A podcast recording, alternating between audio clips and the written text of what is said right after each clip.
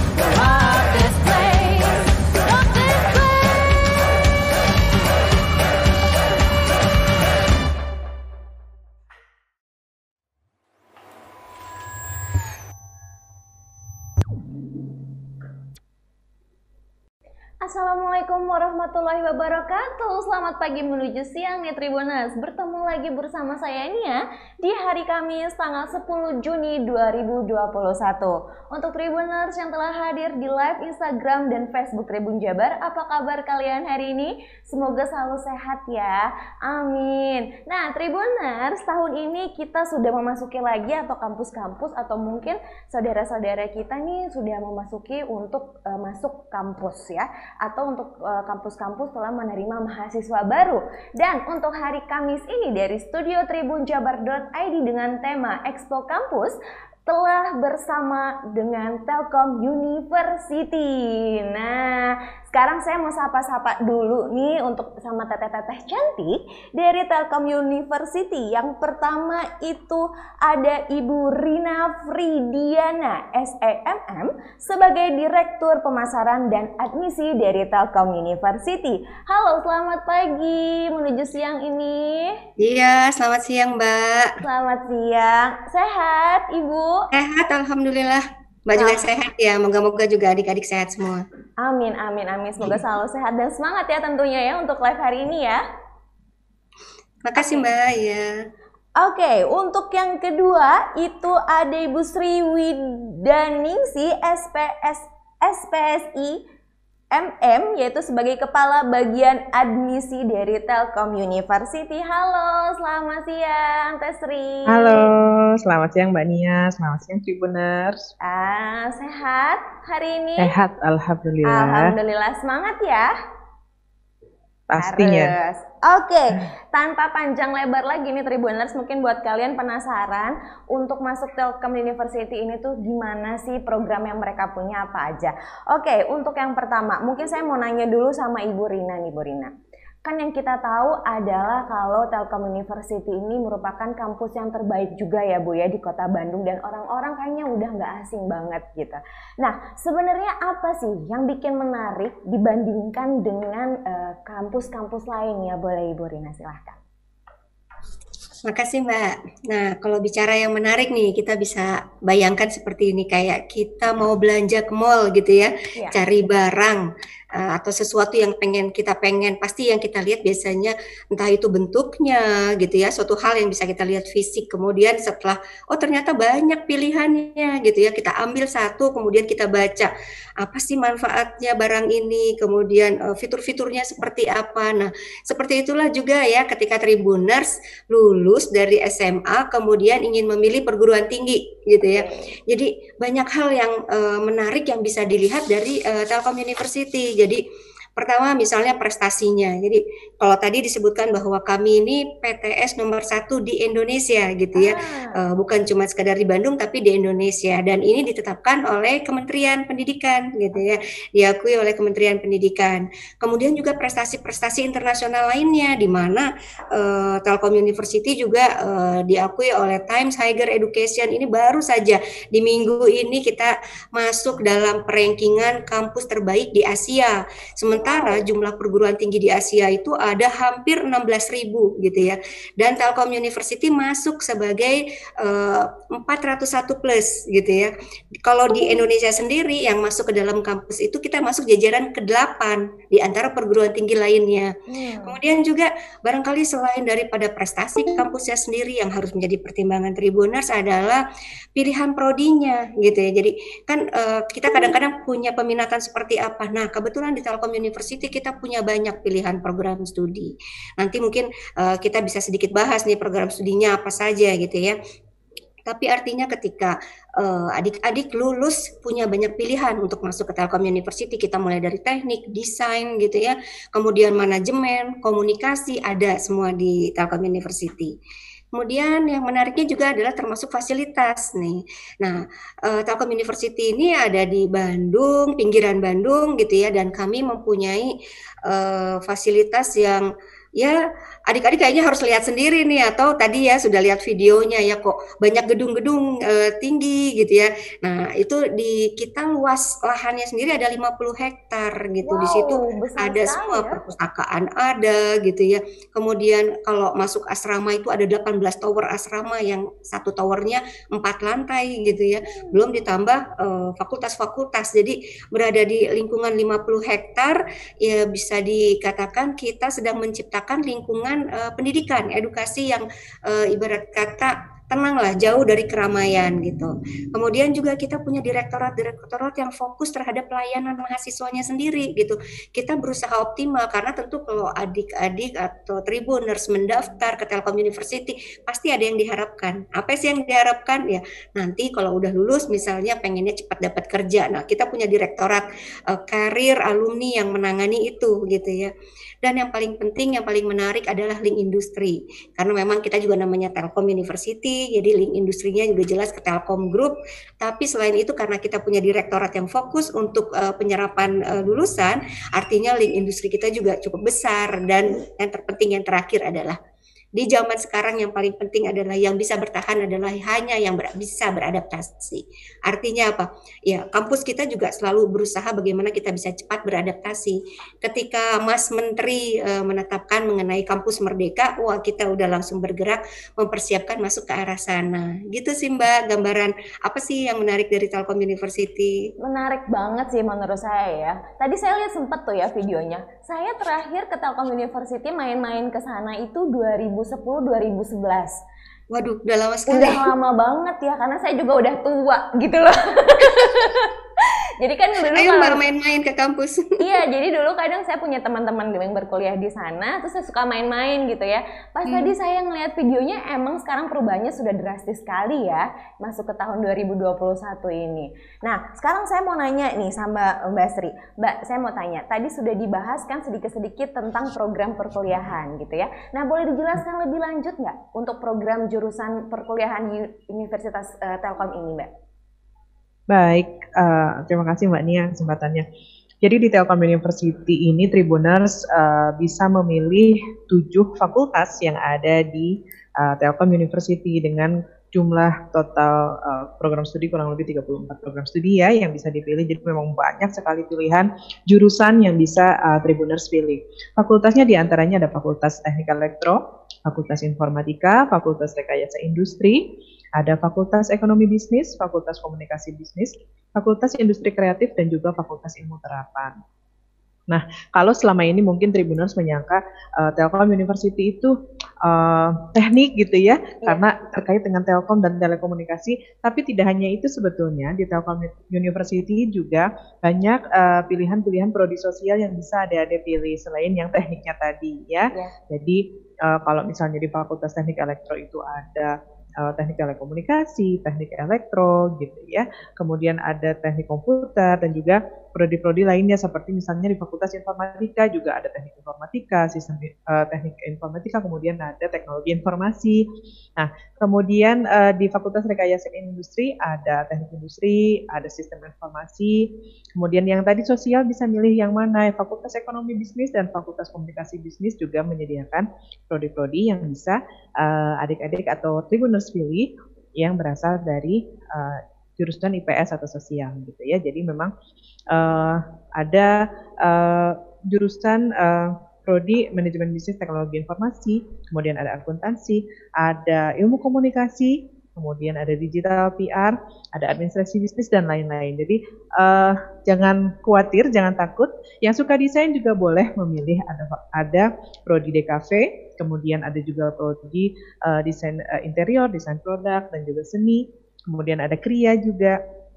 Jadi uh, pilihan untuk mem, uh, melanjutkan kuliah itu cukup banyak di Telkom University. Gitu, hmm, berarti turunan-turunan dari berbagai fakultasnya lumayan banyak juga ya Mbak ya? Banyak, banyak. Nah, saya dapat info juga ternyata dari Telkom juga menghasilkan lulusan-lulusan yang terbaik. Kalau boleh tahu nih lulusan-lulusan yang terkenal tuh dari Telkom tuh zaman sekarang siapa itu Mbak? Zaman sekarang siapa ya Bu? yang dulu-dulu gitu. Ada Mas Aiman Wicaksono ya yang ya. Uh, uh, salah satu anchor juga, presenter hmm. di TV itu juga alumni dari Telkom. Kemudian uh, yang Jovi Adiguna juga ya? ya? Jovi ya, Adiguna. Ya, Mbak. Mm -mm. Ya, sebagai influencer fashion ya, kalau sekarang dia kan ya, tapi dulu dia katanya sempat juga sekolah di Desain Telkom University. Iya, iya, betul. Mbak. Betul ya? Hmm. Bener banget ya. Nah, sekarang hmm. saya mau bahas nih, adalah mungkin ini yang paling uh, dipertanyakan oleh Tribuners atau yang memang pengen tahu informasi tentang Telkom University untuk biayanya nih gitu ya. Gimana sih biayanya mahal atau gimana? Boleh dijelaskan mungkin Ibu Rina atau Ibu Sri boleh? Mahal ya. Jadi kalau uh, masalah murah atau mahal sebenarnya kita bisa bilang bahwa uh, biasanya ada harga ada kualitas gitu ya. Hmm. uh, dan uh, kalau melihat tadi fasilitas dari yang ada kemudian juga prestasi-prestasi selama ini yang dicapai oleh Telkom University uh, harga kita itu mungkin sama dengan PTN-PTN terbaik ya. Kemudian juga kadang-kadang ada yang di bawah uh, harga uh, PTS uh, lain ya. gitu ya. Jadi saya melihatnya uh, kemahalan atau kemurahan sebuah harga itu lebih harus kita lihat dengan value yang didapat gitu. Okay. Jadi kalau misalnya sekarang kualitas pendidikan pasti harus didukung dengan tenaga pengajar yang kompeten. Nah, ya. kebetulan nih dosen-dosen kita itu memang uh, sekolahnya ke luar negeri banyaknya hmm. gitu ya. Jadi mereka akan mendapat uh, wawasan, ibarat kata wawasan yang sifatnya internasional dan ketika mereka datang kembali ke kampus mereka mengajar itulah yang dicurahkan kepada mahasiswa-mahasiswanya gitu ya wawasan itu. Kemudian juga fasilitas yang mendukung kegiatan akademiknya. Jadi uh, kita punya perpustakaan yang bisa dibilang termasuk perpustakaan sekarang akreditasinya A perpustakaan kita gitu ya. Kemudian dia termasuk perus, uh, perpustakaan unggulan Indonesia gitu ya. Hmm. Nah kita juga dilengkapi dengan yang namanya uh, Bandung Technopark gitu. Jadi uh, apa yang dikeluarkan oleh uh, Tribuners apabila sekolah di Telkom University, insya Allah akan kembali semuanya fasilitas itu kembali ke Tribuners gitu, sehingga akan merasakan bahwa uh, apa yang didapat itu sesuai dengan apa yang dikeluarkan gitu. Nah terus pertanyaannya bagaimana nih? Saya nggak bisa mampu misalnya ya, ya bayar Telkom University tapi saya secara akademik mampu kuliah. Kemudian juga saya pengen banget. Nggak usah khawatir kita punya banyak jalur-jalur beasiswa di Telkom University gitu ya. Kita setiap tahun itu eh, 20 sampai 30 miliar kita keluarkan untuk wow. eh, beasiswa. Dan itu hampir di setiap jalur tuh ada tersedia seperti itu. Jadi tinggal Tribuners rajin nih eh, apa uh, follow aja nih IG-nya SMB Telkom. Nah, di situ ada banyak informasi mengenai beasiswa. Jadi insya Allah lah semua permasalahan akan ada jalan keluarnya kalau Tribuners mau berusaha dan mencari tahu. Nah itu dia karena untuk mendapatkan pendidik pendidikan yang baik itu memang harus diusahakan gitu ya buat uh, Tribuners. Iya. Nah sekarang kita back lagi ke tadi dijelaskan dari Bu Rina, saya mau nanya Bu fasilitas-fasilitas menurut video yang saya lihat tadi ya, punya coffee shop, aulanya gede banget, terus punya studio juga. Bisa jelasin lebih banyak lagi nggak fasilitas-fasilitasnya? Iya, mungkin uh, fasilitas yang kita miliki uh, memang tujuan utamanya tentu saja mendukung uh, satu perkuliahan gitu ya, perkuliahan yang akan dijalani oleh uh, mahasiswa-mahasiswa Telkom University uh, ruang kelas yang memadai, kemudian laboratorium juga yang untuk digunakan mendukung uh, perkuliahan uh, mahasiswa-mahasiswa di Telkom University. Contohnya tadi disebutkan Mbak Nia ya, ya. bahwa uh, ada uh, laboratorium atau studio-studio yang uh, cukup uh, dibekali dengan peralatan yang cukup canggih, komputer-komputer uh, uh, terkini gitu ya. ya, ya. Nah itu ada uh, studio desain itu memang menggunakan uh, seluruhnya memang komponennya menggunakan uh, apa komputer terkini. Kemudian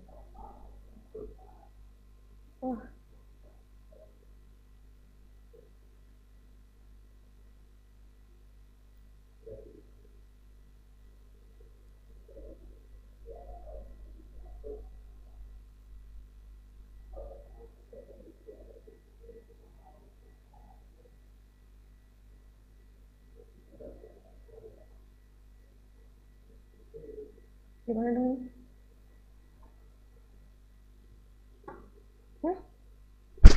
Stop dong.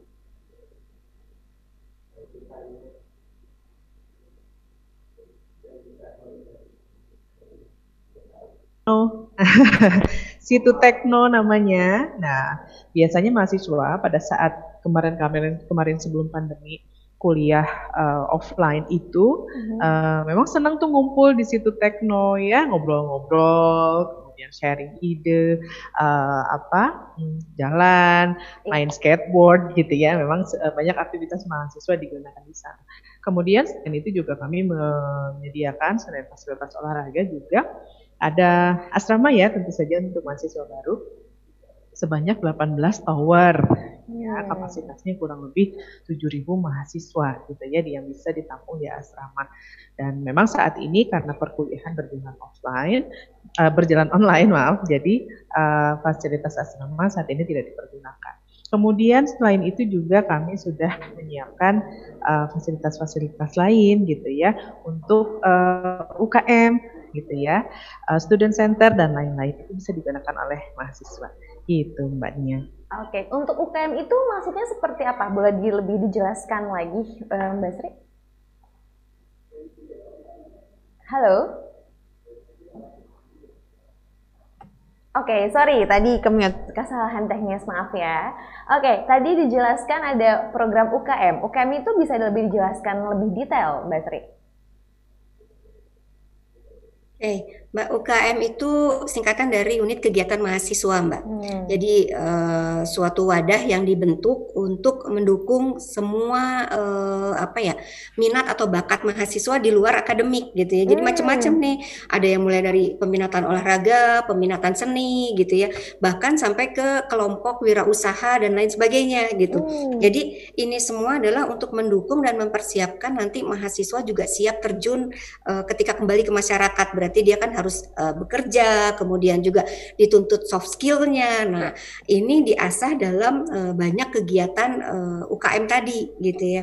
Nah, uh, terus pertanyaannya biasanya sih bagaimana dengan kondisi sekarang gitu ya? Karena sekarang kondisinya kan pandemi, nggak Ya. mungkin orang berkumpul gitu ya.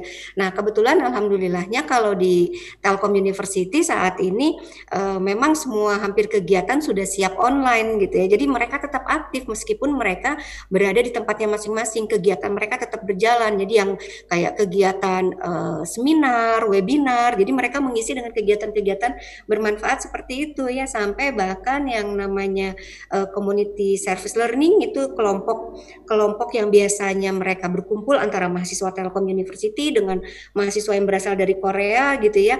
Uh, di bawah Direktorat PPM ini mereka biasanya datang ke desa gitu ya, datang ke Hmm. desa untuk bisa memberikan masukan, membangun desa itu. Nah, dalam kondisi ini uh, kita melakukannya dengan uh, apa? online gitu ya. Jadi uh, beberapa orang saja yang pergi ke sana melihat situasi, kemudian didiskusikan secara online dan mereka nanti mengumpulkan kayak model proposal apa yang bisa disupport nih terhadap uh, desa ini untuk bisa berkembang dan jauh lebih maju. Nah, seperti itu sih bayangannya dan UKM UKM ini uh, apa ya? Merupakan uh, suatu hal yang memang wajib dipenuhi dan menjadi syarat ketika mereka lulus sehingga mau nggak mau semua anak uh, harus aktif gitu selain kegiatan akademiknya. Iya, betul sekali ya. Sebagai mahasiswa itu hanya bukan ilmu akademisnya aja, tapi uh, soft skillnya skill. juga. Karena di tempat Betul. kerja juga ternyata soft skill yang dibutuhkan gitu ya. Iya, Dan betul. Telkom University ini menyediakan fasilitas untuk mengembangkan soft skill soft skill dari para mahasiswa mahasiswinya. Wah, the best banget sih ya gitu. Kayak dulu zaman saya belum ada deh. Masih gitu-gitu aja ya. gitu ya. Itu makanya kenapa sekarang makin maju ya perkuliahan-perkuliahan. Nah, saya mau tanya nih, untuk di Telkom University sendiri itu dimulai dari D3 atau langsung S1 nih? Boleh dijelaskan Mbak Sri? Oke. Di Telkom University sendiri ada uh, program jenjang kuliah mulai Hmm. dari D3 sampai dengan S3 ya Bu. Udah boleh Oke. publis ya Bu. Iya, jadi uh, baru saja memang kami uh, diberikan uh, uh, akan melaunching untuk uh, program studi S3 Informatika. Jadi uh, adik-adik yang mulai mau kuliah dari mulai uh, program diploma ada di kami. Jadi kalau misalnya mau mengambil yang sarjana boleh gitu ya. Nanti setelah sarjana setelah lulus mau langsung ambil eh, S2 juga bisa karena di kami juga ada program eh, percepatan, program fast track namanya. Jadi bisa eh, berkuliah eh, S1 dan S2 itu hanya dengan lima tahun saja. Gitu. Oh, gitu. Nah, kalau misalnya nih saya atau mas kita mahasiswa dari universitas lain D3 mau melanjutkan S1, D1, S2 misalnya tadinya nih bukan dari Telkom University. Bisa kan ya? Bisa, Bisa, bisa. Mbak. Bisa ya gitu. Mungkin saya bisa nanti. Boleh banget kan Mbak. saya pengen niat S2, tapi karena udah keenakan kerja udah.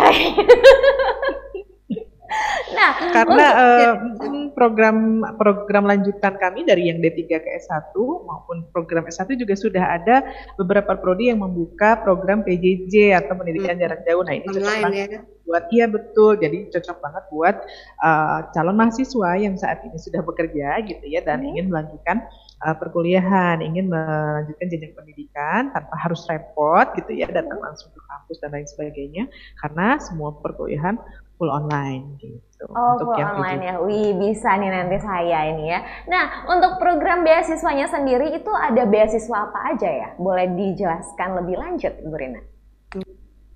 Uh, beasiswanya itu kita ada beasiswa yang kita kerjasama dengan pihak ketiga ya Mbak ya. Jadi contoh kayak ada uh, perusahaan ID Cloud Host ini dimiliki juga oleh alumni kita gitu ya. Hmm. Nah dia juga beasiswa full bahkan uh, kalau misalnya nanti mereka magang mereka bisa magang di situ bisa ngisi waktu sambil kerja sambil kuliah juga bisa. Kemudian juga ada beasiswa yang kita uh, selenggarakan sendiri beasiswa uh, unggulan Mbak di mana uh, mereka harus mengikuti lulus seleksi online tertulis ya kalau nggak kalau lagi nggak online ini kita biasanya langsung selenggarakan di 33 lokasi seluruh Indonesia gitu hanya karena sekarang posisinya online jadi uh, semuanya tes online. Kemudian juga uh, ada beasiswa uh, yang kita kerjasama sama media ya dengan uh, apa Medcom gitu ya namanya online scholarship uh, competition. Kemudian juga ada beasiswa yang sekarang sedang berjalan nih, tapi kebetulan udah ditutup, tinggal proses seleksinya aja. Beasiswa hmm. ikatan dinas dengan Telkomsel misalnya gitu ya. Jadi apa ya banyak sekali nih beasiswa-beasiswa yang ditawarkan oleh Telkom University termasuk beasiswa KIP juga yang diselenggarakan oleh pemerintah juga hmm. kita punya kuota gitu ya artinya mendaftar lewat uh, apa websitenya KIP nanti tinggal pilih Telkom University nah ini juga bisa karena kalau beasiswa KIP ini memang uh, difokuskan untuk uh, dari sisi sosialnya. Artinya nanti mereka masuk, diterima, mereka uh, gratis kuliah dan mereka juga dapat uang saku gitu. Okay. Itu sih Mbak, termasuk untuk mahasiswa internasional juga ada kita beasiswa-beasiswa juga. Oh gitu ya, internasional sama dengan pertukaran pelajar, student exchange yeah. gitu ya? Uh, nggak selalu pertukaran pelajar, bisa juga hmm. mereka memang kuliah ngambil kuliah di kita gitu ya, hmm. bisa juga pertukaran pelajar atau uh, yang uh, double degree kayak gitu mbak. Oh, Jadi, I see. Oke. Okay. Uh, apa ya penawaran beasiswa ini mungkin um, kalau Tribuners berpikir oh hanya untuk mahasiswa baru aja. Kalau misalnya saya ternyata daftar nih jalur beasiswa tapi ternyata nggak lolos terus saya masuk lewat jalur reguler gimana nanti? Nggak usah khawatir di dalam ketika semester 3, semester 4, semester 5, semester 6 itu masih banyak penawaran beasiswa lebih banyak lagi bahkan dari pemerintah Jawa Barat misalnya gitu ya. Kemudian dari industri-industri yang memang uh, apa ingin uh, biasanya mendapatkan lulusan terbaik. Nah biasanya di semester 5 itu udah ada penawaran-penawaran beasiswa beasiswa untuk mereka yang IP-nya tinggi tapi mereka mau bekerja misalnya langsung ke JTE, ke hmm. Huawei gitu ya. Yeah, yeah. Nah, ini banyak di dalam jadi nggak usah khawatir beasiswa ini tidak hanya untuk tribuners yang baru masuk tapi juga yang sudah kuliah di dalam. Oh gitu. begitu ya, wah ternyata di fasilitasinya itu banyak banget ya, berarti memang menarik sekali nih dari Telkom University. Nah saya juga mau tanya, syarat-syarat masuk untuk masuk ke Telkom University ini itu apa aja ya? Boleh Mbak Sebetulnya iya. Syaratnya uh, cukup mudah, syaratnya lulus seleksi aja. Hmm, Seleksinya bisa Pasti memilih. itu ya. bisa memilih uh, mau pakai raport atau mau pakai tes. Jadi kami ada jalur seleksi yang uh, bisa menggunakan nilai raport maupun nilai tes maupun nilai UTBK. Nah sekarang kita lagi buka nih jalur seleksi yang menggunakan nilai UTBK. Jadi Tribuners yang kemarin sudah uh, mengikuti tes UTBK boleh nih kalau misalnya mau coba untuk masuk ke TELU silahkan digunakan nilai UTBK-nya. Nah, itu bisa uh, digunakan sebagai syarat untuk mendaftar ke Telkom University. Kemudian selain jalur UTBK juga ada jalur tes online nanti namanya UTG 2. Ujian tulis gelombang 2. Sebetulnya udah bukan ujian tulis lagi ya, ujian iya. online. Ujian online. ujian iya, online gelombang kedua. Uh, karena sebetulnya kami sudah buka uh, uh, pendaftaran untuk seleksi mahasiswa baru ini sudah cukup jauh-jauh hari Mbak Nia sudah dari hmm. September 2020 ya. Yeah. Jadi uh, ini sudah sudah gelombang kesekian nih uh, untuk uh, intake tahun 2021 ini gitu. Oh begitu ya. Berarti udah sudah gelombang sekian. Nanti penutupan untuk pendaftarannya sendiri itu kapan, Mbak? Kalau uh, penerimaan mahasiswa baru masih berjalan sampai dengan bulan Juli. Oh sampai bulan Juli ya? Tuh Tribuners masih ada waktu satu bulan lebih lagi nih buat kalian siapa tahu ingin mendaftarkan ke Teliu karena menurut saya ini kayaknya worth it banget untuk kalian yang mendapatkan pendidikan yang baik, fasilitasnya juga oke. Okay. Berarti terakhir nanti bulan Juli. Nah untuk sekarang nih yang daftarnya udah banyak belum nih? Banyak, aduh, banyak sedikitnya relatif nih mbak. Iya. Untuk pendaftar kita sekarang ini berapa banyak? ribuan. Untuk menampung sendiri teliunya itu berapa banyak biasanya? 7.600-an Wow. untuk yang tahun sekarang. Jadi Hmm. eh, berapa ya? Berapa banding berapa ya? Sekitar sekarang ini posisinya sekitar 65.000 pendaftar ke Telkom University. Kalau dibandingkan dengan tahun lalu memang eh, biasanya mereka mendaftar setelah pengumuman SBMPTN. Jadi masih masih akan panjang nih Hmm. persaingan eh, ke depan ini gitu ya. Iya, iya, Tapi iya. nggak usah khawatir. Jadi kalau misalnya adik-adik eh, yakin kemudian juga mau berusaha, insya Allah bisa bergabung dengan kami. Tuh, jadi nggak perlu khawatir, cobain dulu aja kalau belum dicoba mana tahu hasilnya kayak Betul. gimana. Bener nggak ya? Ya, karena kan sekarang juga kalau dibandingin dengan penerimaan mahasiswa tahun lalu dibanding sekarang itu gimana? Sama atau sekarang ternyata lebih banyak? Karena sekarang masih berjalan sampai Juli gitu ya Mbak ya, jadi kita belum bisa perkirakan. Hanya untuk bayangan tahun lalu tuh kita sekitar 115 ribuan pendaftar Hmm. kita gitu. Lebih Untuk kuota ya? 7.200 eh, mahasiswa baru. Ya, wih luar biasa sekali ya. Oke, sekarang saya mau bertanya nih, se- selain tadi yang dijelaskan, mungkin ada beberapa ekstrakurikuler juga nih ya di Telyu ini. Boleh dijelaskan nggak ekstrakurikuler apa aja nih mungkin? Silakan ya, mm-mm. Sebetulnya yang sekarang lagi berkembang adalah iklim startup ya Mbak. Hmm. Jadi sekarang ini mahasiswa-mahasiswa karena kami juga di tahun 2023, 2023 ini uh, renstranya atau rencana strategisnya adalah menjadi entrepreneurial university kelas dunia gitu ya. Uh, maka mahasiswa memang di- didukung atau didorong untuk berjiwa entrepreneurship gitu. Selain dalam kurikulum mata kuliah juga bisa dipraktekkan dalam bentuk startup-startup yang memang dikelola langsung oleh prodi maupun startup yang dikelola oleh Bandung Technopark tadi. Jadi Bandung Technopark juga uh, sebagai salah satu wadah untuk menggodok startup-startup yang uh, pada nantinya bisa menghasilkan produk-produk yang berguna untuk masyarakat. Gitu. Hmm, gitu ya, karena sekarang mungkin yang saya lihat juga fenomenanya adalah anak-anak milenial zaman sekarang tuh pengen jadi pengusaha ya. Sekarang udah makin banyak banget uh, perusahaan-perusahaan startup gitu ya, mau teknologi apa pun itu gitu ya.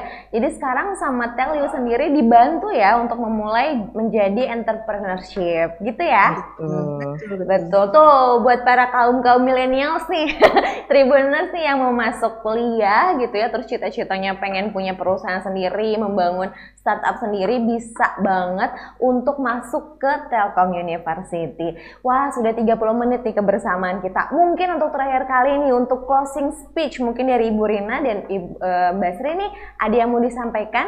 Bisa lihat informasi lebih lanjutnya ke mana dan di mana? Silahkan. Eh, yang penting gini, Tribuners ya, bahwa eh, segala sesuatu itu kalau kita punya keinginan harus kita eh, coba dan kita usahakan dan itu worth it banget untuk kehidupan masa depan Tribuners gitu ya. Dan eh, apa pun yang kita usahakan gitu ya, insya Allah akan ada eh, dampaknya terhadap kita. Masalah itu eh, bisa kita dapatkan atau tidak kita bisa dapat banyak pelajaran dari situ sehingga kalau misalnya kita gagal menemukan kegagalan kita akan terbiasa untuk bangkit kembali dan raih apa itu eh, kegagalan itu agar kita bisa mencapai yang namanya sukses gitu ya. Itu dulu yang paling penting buat eh, para tribuners. Kemudian bagaimana apabila ingin bergabung dengan Telkom University follow coba SMB Telkom University gitu ya. SMB Telkom jadi kalau di IG Facebook adik-adik bisa bisa bergabung di situ gitu ya di SMB Telkom. Semua informasi akan ada di situ. Eh, termasuk nomor telepon yang bisa dikontak kemudian juga websitenya adik-adik bisa masuk ke smb.telkomuniversity.ac.id gitu ya kami tunggu adik-adik bergabung eh, dengan kami karena kami percaya bahwa Telkom University ini ada untuk eh, eh, adik-adik semua untuk para tribuners eh, yang mau eh, berusaha dan eh, mensukseskan Indonesia kita bersama. Itu Ih, barangkali. luar biasa. Dari Mbak Sri. Iya, eh, untuk Tribuners semua, eh, jangan khawatir, kesempatan untuk bergabung eh, bersama Telkom University masih ada gitu ya. Eh, silakan nanti, boleh kalau misalnya mau tanya-tanya dulu, silakan nanti cek website tadi yang seperti Ibu sampaikan, smb.telkomuniversity.ac.id, silakan bisa chatbot di situ, atau bisa melalui eh, media sosial kami, at smb.telkom, eh, baik Instagram maupun Facebook, nanti di uh, kontak uh, adik-adik atau uh, respon dari teman-teman akan uh, kami jawab uh, dari tim uh, Telkom University. Itu aja sih mungkin ya. Ah, gitu. Kalau misalnya nih ternyata Tribuners gitu ya buat para mahasiswa-mahasiswi baru yang pengen main-main ke sana sekarang walaupun lagi pandemi gini boleh pengen lihat-lihat gitu. Tidak boleh dalam jumlah banyak tapi Mbak. Oh gitu ya. Berarti kalau misalnya hanya satu dua gitu uh, dipersilakan karena memang uh, kami masih menjalankan protokol kesehatan gitu ya demi kebaikan bersama. Jadi uh, kita tidak menutup kemungkinan untuk itu hanya barangkali jumlahnya yang diatur. Jadi ada satpam juga banyak nih di kampus yang berusaha menjaga bukan untuk membatasi atau apa pun tapi lebih kepada karena kami care terhadap uh, kesehatan dan uh, semua orang yang masuk ke dalam lingkungan Telkom University itu barangkali. Ah, tuh Tribuners, jadi jangan main datang asal ke sana aja ya kalau penasaran. Tapi kalian bisa buka websitenya yaitu smbtelkomuniversity.ac.id, betul ya? Betul. Dan juga atau enggak follow Instagramnya di SMB Telkom. Nah, nanti bisa direct message nih nanti adminnya akan balas. Begitu ya? Betul. Betul.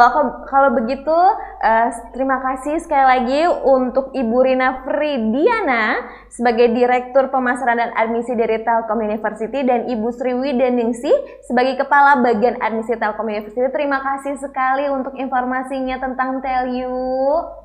Sama-sama. Maaf ya kalau ada kesalahan yang disengaja maupun tidak disengaja. Selalu sehat ya ibu-ibu cantik ini. Ya, terima kasih ya Mbak. Iya. Oke. Okay. Sukses selalu, sehat-sehat semua sama hmm. sukses selalu dan semangat selalu ya. Oke Tribuners 3.30 menit uh, saya Nia dari studio tribunjabar.id menemani kalian di Expo Campus bersama Telkom University. Uh, Nia ucapkan terima kasih sekali untuk kalian yang sudah hadir di live Instagram dan YouTube uh, Tribun Jabar. Jangan lupa ya untuk selalu baca beritanya di tribunjabar.id dan jangan lupa juga untuk follow Instagram dari SMB Telkom untuk informasi lebih lanjut. Saya Nia undur diri sampai jumpa di kesempatan lainnya. Jangan lupa untuk selalu ikuti protokol kesehatan COVID-19. Assalamualaikum warahmatullahi wabarakatuh. Dadah!